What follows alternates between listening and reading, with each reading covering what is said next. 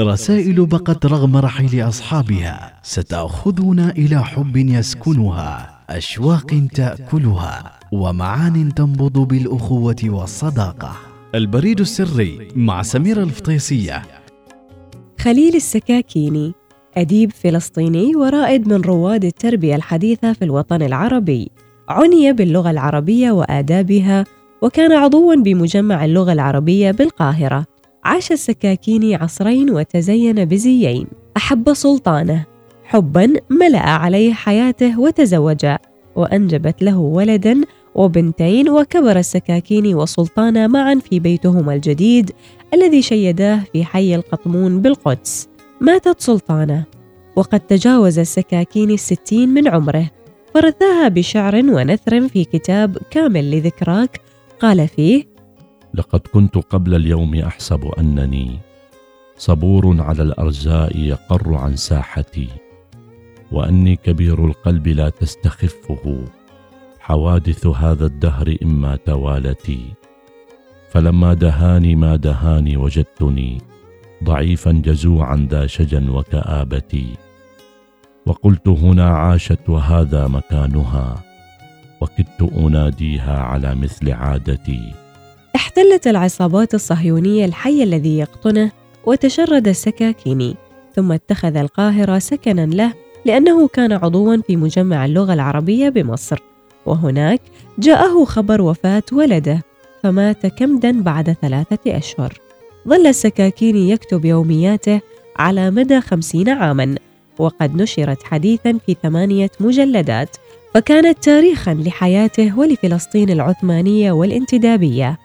أسس السكاكيني المدرسة الدستورية وكان من منهج المدرسة إلغاء العقاب البدني وإلغاء الامتحانات وعدم إذلال الطالب وكانت اللغة العربية من أكبر هموم السكاكيني وقد كتب في فقه اللغة وأصولها وتميز بفكر نقدي يحترم القديم وينظر إلى التجديد كما علم نفسه الإنجليزية كي يقرأ كتب التربية والتعليم. ست رسائل مكتوبة بخط يد خليل السكاكيني ومرسلة إلى ابنه سري في الولايات المتحدة في عام 1936 وتتضمن الرسائل أخبار عائلية ونصائح من الأب لابنه في بلاد الغربة وغيرها.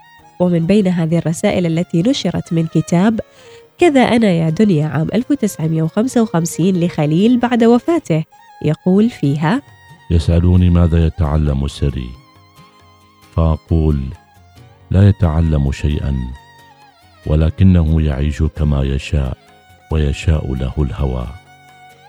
يسألونني ماذا يعمل إذا رجع؟ فأقول قد لا يعمل شيئا. يقولون وما اختصاصه؟ فأقول يلعب التنس ويسبح ويصارع ويأخذ دروسا عالية في الموسيقى.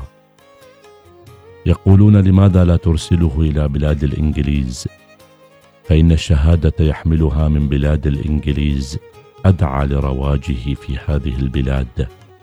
فأقول وهل تظنون أنه يتعلم ليروج عند الإنجليز؟ يقولون إلى أي شيء يميل؟ فأقول إلى الأدب العالمي. فيقولون وما قيمة الأدب؟ فأقول نحن نحب ذلك. أشكر الله ألف مرة يا سري أنك تتعلم لتفهم الإنسان والمجتمع فهما أوسع وأصح مما اعتاد الناس أن يفهموه.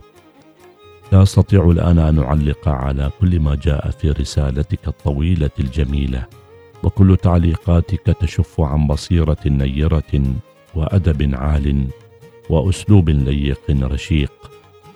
ولو أردت أن أعلق على ما علقت عليه لما عدوت كلماتك فأنت أنا وأنا أنت وحسبنا ذلك فخرا ورزقنا على الله. عش ما بدا لك يا سري حرا طليقا وارفع رأسك عاليا وانعم ولذ ولا تبال. البريد السري مع سميرة الفطيسية يأتيكم في الأوقات التالية.